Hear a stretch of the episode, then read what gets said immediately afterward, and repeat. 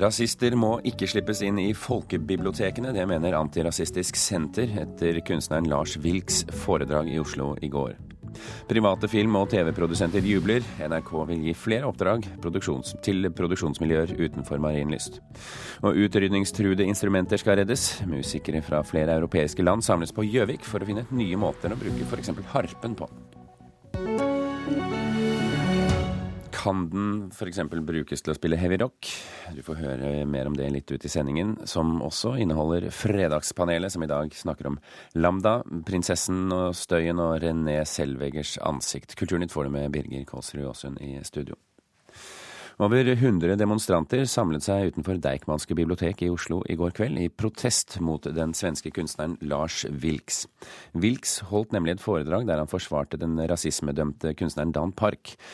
Demonstrantene protesterte mot at Lars Wilks fikk bruke et offentlig bibliotek til å forsvare en rasismedømt kunstner. Ingen rasister i folkebiblioteket! Ingen rasister i folkebiblioteket! I regnværet utenfor Deichmanske bibliotek i Oslo sentrum i går kveld ropte demonstrantene slagord mot at et offentlig bibliotek huset foredraget til Lars Wilks. Foredraget var i regi av dokument.no, som hadde leid lokaler av Deichmanske bibliotek. Marit Halse, som er bystyrerepresentant for Rødt i Oslo, reagerer på at et offentlig bibliotek huset et foredrag som hun mener forsvarte nazisme. Jeg syns eh, offentlige bibliotek bør eh, la være å slippe til folk som rett og slett forsvarer nazisme. På folkebibliotekene skal være for alle. Men med en gang du slipper inn rasister og nazister i biblioteket, så betyr det at folk som eh, har en annen bakgrunn, føler seg ekskludert. Folk som blir truffet av propagandaen fra Lars Wilks og de han eh, forsvarer, vil jo ikke føle seg veldig velkommen et sted hvor eh, de her folkene slipper til.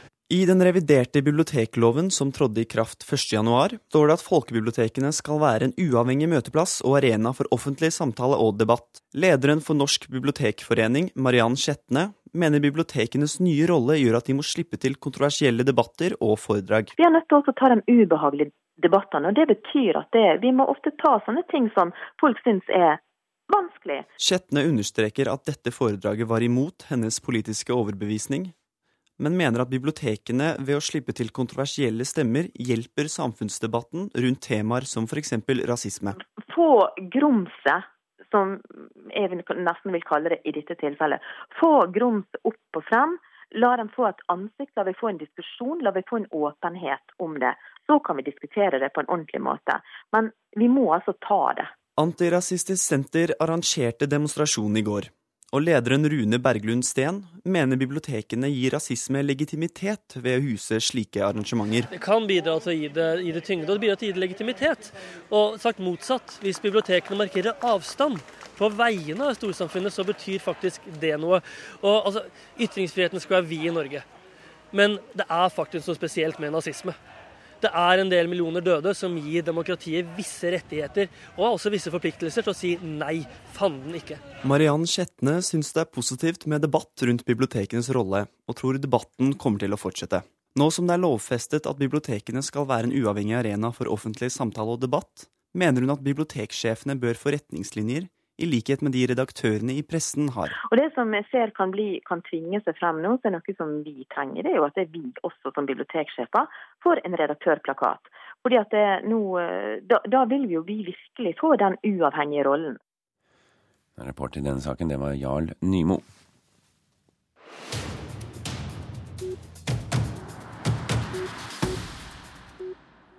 Gaveforsterkningsordningen eh, kulturministeren kaller en stor suksess, kan bare dokumentere å ha tilført 100 000 nye private kroner til eh, norske museer. Ordningen åpner for at mottakere av private gaver kan søke om 25% av summen i ekstra støtte fra staten. Dagens Næringsliv har kontaktet de 31 aktuelle giverne, og kun én av dem sier at gaven ble økt som følge av gaveforsterkningsordningen. Konserthuset i Stavanger ber om én million kroner mindre i årlig pengestøtte fra kommunen. Konserthuset har kuttet kostnader og regner med å passere fjorårets rekordbesøk på 235 000 publikummere. Dermed kan driftstilskuddet kuttes fra 10 til 9 millioner kroner, sier direktør Per Harald Nilsson. Konserthuset har gått bedre enn forventet. Og det er jo en målsetting for oss å eh, klare oss med å si, så lite tilskudd som mulig. Vi holder selvfølgelig vårt kulturpolitiske oppdrag høyt. Men eh, når kommunen er i en vanskelig budsjettsituasjon og Konserthuset har klart seg godt, så har vi funnet ut at vi kan eh, bidra i den situasjonen med et kutt på 1 million kroner. Kringkastingssjef eh, Tor Gjermund Eriksen åpner pengesekken for eksterne TV-produksjoner. Det skal ikke lenger være noe fast tak på hvor mye penger de kan få. Det sier han, og legger opp til at de beste ideene skal vinne. På høy tid, svarer Produsentforeningen. Vi bombarderes med påstander om helsen vår. I denne serien skal jeg sjekke ut påstander du har hørt mange ganger før, og forsøke å finne ut hva som stemmer, og hva som bare er tull og tøys. Folkeopplysningen med Andreas Wahl. Sendt på NRK, men produsert av Teddy TV. Sånt vil kringkastingssjef Tor Gjermund Eriksen ha mer av. Vi må sørge for at vi hele tiden er i stand til å utvikle de beste programideene, for at vi skal kunne gjøre vårt allmennkringkasteroppdrag på en best mulig måte. Onsdag holdt han innlegg for NRKs tillitsvalgte på deres årskonferanse. Der sa han at han vil bruke 100 millioner kroner mer på eksterne produksjoner enn i dag. Det er en økning på hele 40% 100 millioner vet jeg, mulig at jeg har sagt det som et eksempel. Dette kommer til å variere fra år til år, avhengig av hvilke ideer vi blir tilbudt. Poenget til kringkastingssjefen er at det er de beste ideene som til enhver tid bør få pengene, og da blir det feil på forhånd å bestemme hvor mye som skal brukes internt og eksternt. Det er gledelig og forventet at han eh, signaliserer det. Sier Leif Holst Jensen i Norske film- og TV-produsenters forening. Våre medlemmer og den eksterne bransjen har etter hvert utrolig mye kompetanse og mye flinke folk. Så vi tenker at det kan være bedre at det er tolv selskaper som slåss om en idé, enn at det er tolv medarbeidere på Marienlyst som gjør det. Men det er slett ikke alle som jubler. For når kringkastingssjefen åpner pengesekken for de eksterne, vil det gå utover det interne produksjonsmiljøet, tror Sissel Avlund i NRKJ. Vi i NRKs journalistlag mener at det er viktigere enn noen gang at NRK har et sterkt fagmiljø innenfor all produksjon. Vi er derfor øh, skeptiske til at stadig mer produksjon blir satt ut til eksterne produksjonsselskaper, som vi òg vet eh, stort sett i Norge har eh, internasjonale eiere. Kringkastingssjefen mener derimot fagforeningen har misforstått. Jakten på det beste innholdet er ikke det samme som nedbemanning, påpeker han. Dette er ikke et sparetiltak. Jeg er helt overbevist om at vår interne produksjon fortsatt vil konkurrere veldig, veldig godt på kvalitet. Nei, Det vil jo opplagt ikke være billigere å produsere ting eh, eksternt. Det er ingenting som tyder på det. Eh, så at det ikke er noen eh, sparetiltak, det tror jeg på. Derfor så tenker jeg at det er, viktig i Helland, å beholde de sterke fagmiljøene internt, slik at vi er sikre på at det blir godt norsk innhold. Ja, det sa Sissel Avlund i journalist, Norsk Journalistlag her i NRK. Det var til reporter Petter Sommer. I helgen samles et femtitalls musikere med én felles misjon å redde utrydningstruede instrumenter. Nordisk harpetreff arrangeres i Gjøvik, og dit kommer musikere med instrumenter som representerer noe av det eldste vi har av nordisk musikktradisjon. We're like the Blues Brothers, you know. We're on a mission from God. Chris Foster og Baura Grimsdottir fra Island har kommet til Gjøvik for å møte likesinnede med samme misjon. Og redde alt som ligner på ei harpe fra å bli utrydda for godt. Time will tell. Dette er lyre. Nordisk harpetreff samler rundt 50 musikere fra flere europeiske land. Alle har med seg instrumenter med lange tradisjoner. Vi veit at lyre det er jo blant de eldste strengeinstrumenter. Harpe stammer vel sannsynlig fra en, en pil og bue. Felles er at det er blitt gjenoppdaget de siste tiårene, etter å ha vært gjemt og glemt i flere hundre år. Siste harpespilleren vi veit om fra gammelt i Norge, var i 1820-åra. Så den døde ut. Lyra døde ut. Strykelyra døde ut. Sier musiker Stein Villa. So this one here, this one is called Islensk fiddler, and uh, this one next to it is called uh, laungspill. De to instrumentene Chris og Baura har med seg fra Island, ble gjenoppdaga for bare et par tiår siden. Men en gang var de alt Sagaøya hadde av instrumenter. basically these two instruments were all the instruments that there were over a period of maybe a couple of hundred years at least. Og når man gjenoppdager et instrument etter mange hundre år, ja, så må bruken gjenoppfinnes på nytt. Både teknikk og bruk. Det er bare et spørsmål om å våge å leke seg og eksperimentere litt. Sier Marit Stensrud, leder i Gjøvik spellemannslag. Det er de som arrangerer harpetreffet. Og islandske Baura tar hintet.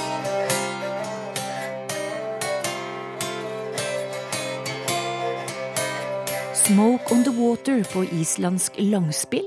En av mange muligheter, mener Villa. Jeg tror det er en veldig fin måte å tilnærme seg dette og liksom kjenne på hva som bor i instrumentet. Langeleiken er òg med i denne harpefamilien, og det har Marit Stensrud spilt siden hun var barn. Så, så for meg så er det liksom en helt naturlig del av livet. Men treffet er viktig for at instrumenta skal oppdages av flere, mener hun. Det blir jo flere til kort år. Altså Selv om det er litt store avstander fra Finland og Sverige og Danmark og hit, så det, blir det jo flere og flere. Nå er den ganske stemt. Du skal være rimelig sær for å gå løs på et sånt instrument, men, eh, men det er jo veldig morsomt òg, da. Så da innrømmer du at du er litt sær, da? Klart den må være sær. Her er det ikke A4-folk. Det er helt sant.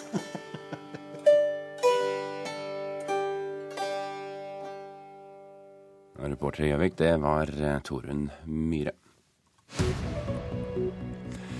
Klokken er snart eh, kvart over åtte. Du hører på Kulturnytt, og dette er toppsakene i Dagsnytt nå.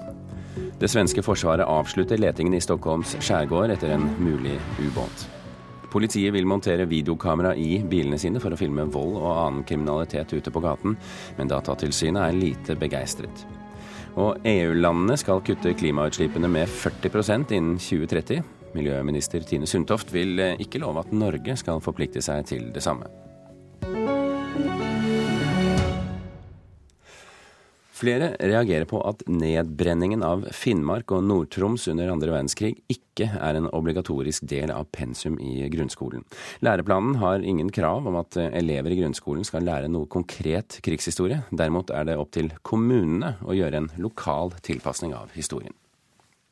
Disse fem årene er den største katastrofen i Norges historie i det forrige århundret. Leder ved Norges hjemmefrontmuseum, Arnfinn Moland, snakker om andre verdenskrig.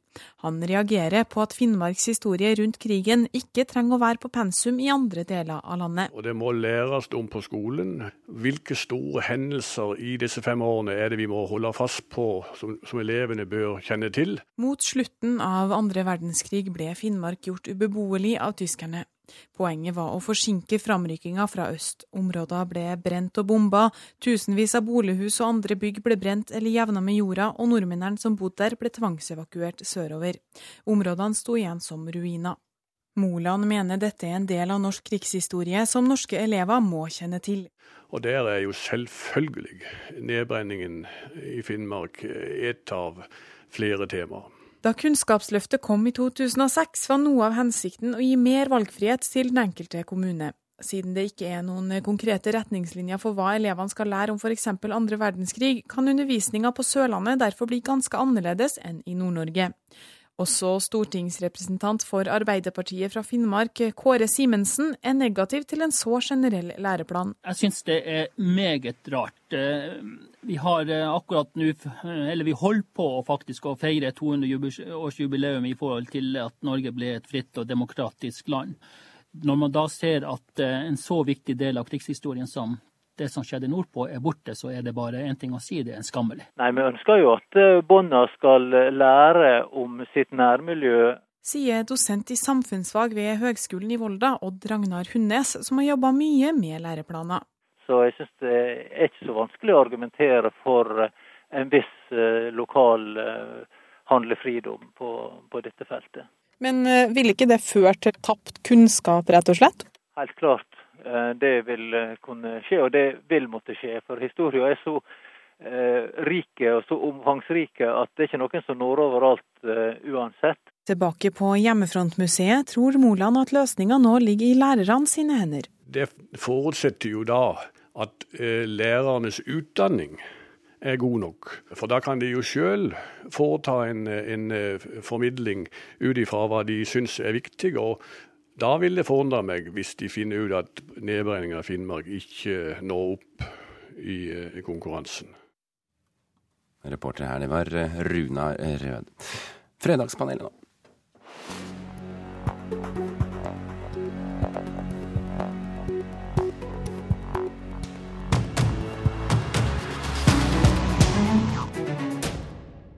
Fredagspanelet består i dag av Anders T. Andersen, som er regissør, Martine Aurdal, debattansvarlig i Dagbladet, og Hilde Sandvik, kultur- og debattredaktør i Bergens Tidende og for øyeblikket i Bergen. Velkommen alle sammen. Takk, takk.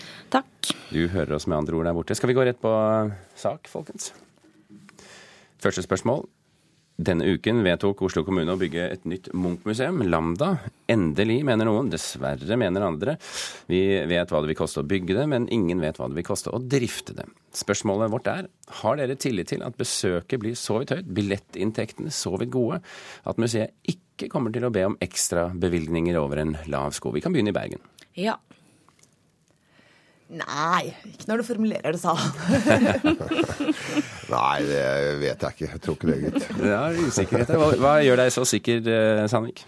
Nei, altså Selvsagt så kan en ikke være sikker på det, men jeg mener at det bør være nesten en fordring. Og dessuten så ligger alt til rette for at Munch-museet av alle museer skal klare nettopp det. Og det ligger en sånn innebygd tanke i Norge om at, at, at ikke folk skal gå på museer. Og det ute i verden så er jo det en Ja, så ser situasjonen litt annerledes ut. Er det, er det, nordmenn eller utlendinger som kommer til å gå eh, på, det, på det nye Munch-museet? Jeg er sikker på at det kommer til å være masse utlendinger, men jeg håper virkelig òg at det er en del nordmenn som tar en tur innom. Andersen, du dro litt på det. Ja, altså det, At det kommer til å gå av seg selv, høres ut som en uh, våt, blåblå drøm. Men om det gjør det, det tviler jeg på. For, jeg, forstår jeg det slik at du ikke stemmer Høyre? Jeg stemmer et parti som er langt til høyre for Frp, faktisk. ja, det vil jeg tro. Men, men, hva er det som gjør at du ikke har helt tillit til inntektsgrunnlaget her? Nei, Man kan i hvert fall ikke basere seg på det. Man har jo også øh, Nå er jo selvfølgelig Jeg tror man har et helt annet eller publikumsgrunnlag her enn man har veldig mange andre kulturinstitusjoner i Norge. Det må sies. Men samtidig så kan man jo ikke basere seg eller legge opp til det. Uh, Hvorfor kan man ikke det? Nei, fordi at det er jo forvaltningen av Munchs kunst, og det bør man vel da kanskje kaste noen 50-øringer opp i pungen for å ha med seg videre for å drifte denne bygningen. Mm. Jeg, er helt enig. Eh, det viktigste er faktisk ikke om dette museet kommer til å tjene himla mye penger, men om eh, folk kommer til å komme og se Munchs kunst. Og det tror jeg de gjør. Eh, nå skal det ligge rett ved det største kollektivknutepunktet i landet. Det er Deichman som skal trekke byens befolkning til området. Operaen er et signalbygg som allerede trekker en haug med turister, og så kan folk tasse over operaen og inn i Lambda, som jeg tror kommer til å bli et nydelig museum.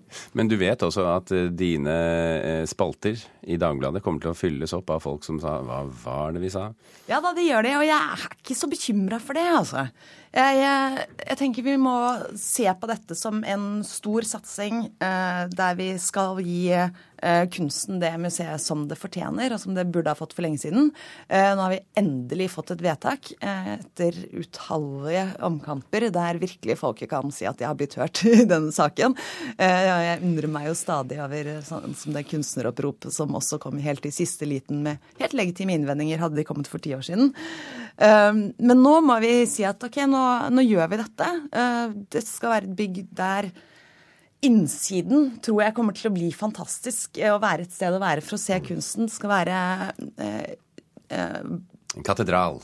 Ja, katedral vet jeg ikke helt, da, men det minner jo liksom litt om Moma i oppbygningen. Og du skal få denne eh, restauranten på toppen, og det skal liksom bukke pent ned mot operaen. Jeg er helt sikker på at det kommer til å bli helt strålende. Sandvik, det er jo kommet eh, legitime og gode innspill til eh, driften av dette bygget. At det kan vise seg å bli litt dyrere enn man, enn man vil like. Er du redd for det? Altså, det gjør det jo alltid med store kulturbygg. Eh, og jeg tenker at det, altså, Den store utfordringen i Oslo nå er ikke, er ikke Lambda, men den store utfordringen og skandalen, mener jeg, da er, er Nasjonalmuseet. Men det er en helt annen, Ja, et helt annet spørsmål. Ja, og og, var så- driften der kan bli et At det var så naturlig for deg å gå over der, gjør det til at jeg blir veldig inspirert til å gå over til neste spørsmål. Denne uken kom prinsesse Märtha Louise og Elisabeth Noreng ut med boken 'Stemmen eller støyen'. En bok der de bl.a. går til rette med pressens dekning, særlig av den ene forfatteren. Boken fikk voldsom dekning, eh, selvfølgelig, bl.a. her i NRK, eh, som lot forfatterne slippe til i 18 programmer gjennom hele lanseringsdagen fra morgen til kveld. Syns dere at boken 'Stemmen eller støyen' fikk sånn akkurat passe med oppmerksomhet? Ja. Ja. Sandvik? Nei, den fikk feil oppmerksomhet. Ja, fortell. Nei, altså Utgangspunktet her er, er bl.a. dette famøse intervjuet som NRK gjorde, eh, som det eneste mediet som fikk eh, da altså slippe til å være en time i denne leiligheten da på Frogner til hva det heter, Soul, eh, Sjele, et eller annet. Something. Something. Eh, og, det fins ikke et eneste kritisk spørsmål. Der står en og snakker om disse englene som en skal ha kontakt med, uten, uten å i det hele tatt legge til at en kanskje hevder at en da har kontakt med disse englene. Eh, og dette er en prinsesse. Altså, Prinsesser skal tas muligens på med silkehansker og sove i senger uten erter, men det får være måte på, tenker jeg. Andersen? Ja, nei, altså Alt dette opprøret med prinsesse av det, det sier jo egentlig mye mer om, om oss. altså denne, Når hun beskriver hva som skjedde med henne i oppveksten, ungdomsår osv., så, videre, så er jo det, det er jo vi som kjøper disse øh, avisene, bladene, som, hvor dette her står. Og det er klart at det er forkastelig øh, opptreden av noe av norsk presse, i hvert fall. Eh, Hva gjelder engler og fjær og annet, så er det klart at hvis jeg hadde funnet fjær hjemme hos meg, Og så begynte å tro på engler. Nei, det er, hun lider jo av apofenia, som resten av menneskeheten også gjør. så Hva kalte du det? Hva sa du? Hva kalte du det? Apofenia menneskets evne til å se sammenhenger der det ikke fins noen. Det var et godt ord. Jeg skal notere meg. er da? Nei, Når jeg finner en fjær hjemme hos meg, så antar jeg at den har kommet ut fra dyna eller puta eller noe sånt. Og det har den vel stort sett også. liksom? Det er blasfemi.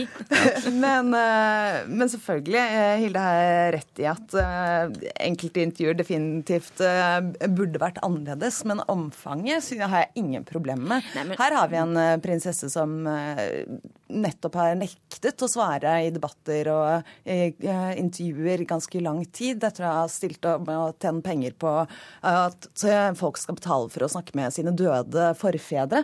Og da tenker jeg helt legitimt at vi i pressen eh, gir henne god plass og får muligheten til å stille spørsmål, da. I hvert fall. Det, det aller beste som er sagt om dette, sto i en eh, minileder i Dagens Næringsliv. Det sto at eh, prinsessen vår er ikke tilgjengelig for kommentarer, altså vi snakker med disse døde. Det, så, så, så, sto, så sto det da Nei, nei, det sto at eh, kong Haakon var dessverre ikke tilgjengelig for kommentar. Ja, det er ikke mulig å ta det der seriøst. Altså, Nei, men hun er, hun er allerede altså Det er noe med det at, at det hadde en vår Ja, men det er allikevel en så viktig institusjon i altså norske kongehuset. Ja, ja, det, det er absolutt. At det skal kritiseres, det er jeg helt Ja. enig i. Og bruken av prinsessetitler i kommersiell sammenheng osv. er jo også helt forkastelig. Ok, vi har et spørsmål til. Vi må snakke om skjønnhet, eh, selvfølgelig ja. også. Det, for Det er fredag. ja, for det er fredag. Og denne uken så viste skuespiller eh, Renee Zellweger, eh, kjent fra filmer som Bridget Jones' dagbok og Jerry Maguire, frem det som fremsto for mange som et helt nytt ansikt. Og det tok ikke lang tid før eh, Twitter selvantente i manisk, moralsk panikk. Og da tar det jo ikke lang tid før mediene kjører på også. Så spørsmålet er må kvinnelige skuespillere legge seg under kniven for å få roller i Hollywood? Ja. Åpenbart. Ja, de må jo tydeligvis det. Ja, du Må de det? Nei, altså, nei, jeg, og, jeg, og jeg var jo veldig sånn Før jeg så disse bildene, så tenkte jeg at om skuespillere René Schwelliger har jo gått opp 20 kilo og ned 20 kilo, og noen trener på seg sixpacks, noen gjør som Aksel Hennie og holder på Jeg vet ikke hvor mye lenger han holdt på med den kroppen sin. Sant? En gjør mye greier for å komme på, på, på skjermen, og det tenker jeg helt greit, det er jobben. Men så så jeg da disse bildene, så kjente jeg at jeg ble sånn grunnleggende lei meg. For jeg, jeg har liksom likt dette ansiktet, som er ganske spesielt og litt rart ansikt. Og plutselig så var det et ansikt som så på meg, så tenker jeg hvem liksom Missing person alert, som noen skrev. Altså, hvem, hvem er dette? Og da ble jeg ja, da ble jeg rett og slett litt trist. Ble du også trist, Andersen? Ja, jeg gråt faktisk. Og etter det så gjorde jeg ting jeg ikke skal snakke om på radio. Men eh, nei, altså, jeg syns jo det er til det bedre. Hun har jo blitt, Det er en, som, en jeg kjenner som mener at hun har blitt mye vakrere etter at hun la seg under kniven. Um, og det er jeg helt enig i. Og jeg syns at um, dette her er jo på en måte bare en del av bildet som hva vi driver med for tiden. Vi opererer oss her og der, og jeg blant annet har uh, fått, fått større nese. ja, du har det, ja. Syns det var noe mer her. Ja, ikke sant? Det er derfor jeg ser jødisk ut. Arisk jødisk. Ja, arisk jødisk, ja. Eh, Hva med deg? Nei, jeg kjente den jo ikke igjen, jeg. Eh, og det morsomme ville jo vært, som Brita Møysteinstedt skriver i en kronikk hos oss i dag, at eh, alle bildene ville blitt ledsaget av teksten eh, dette er ikke René Selvegger, dette er et bilde av René Selvegger. Men, men som hun skriver, kanskje bare kunsthistorikerne ville le. Eh, det er jo et eh, hva skal vi si, skjellsettende uttrykk da, på det her eh, jaget etter eh, skjønnhet i en by der rynker overlever omtrent like lenge som ekteskapene. Men jeg, jeg kjenner henne jo ikke igjen, og det er kanskje også poenget. At hun vil alltid være Bridget Jones, men nå ser hun ikke ut som Bridget Jones lenger, så kanskje det er hennes eneste håp da, for å prøve å gjøre noe annet. Kanskje hun kan få ordentlige roller etter hvert? Ja, da må hun jo kanskje bli en bedre skuespiller også først. Hvis hun hadde vært det, så hadde hun jo muligens klart den overgangen uten eh, dette ansiktet. Kort, Sandvik. Meryl Streep ser vi jo alltid på.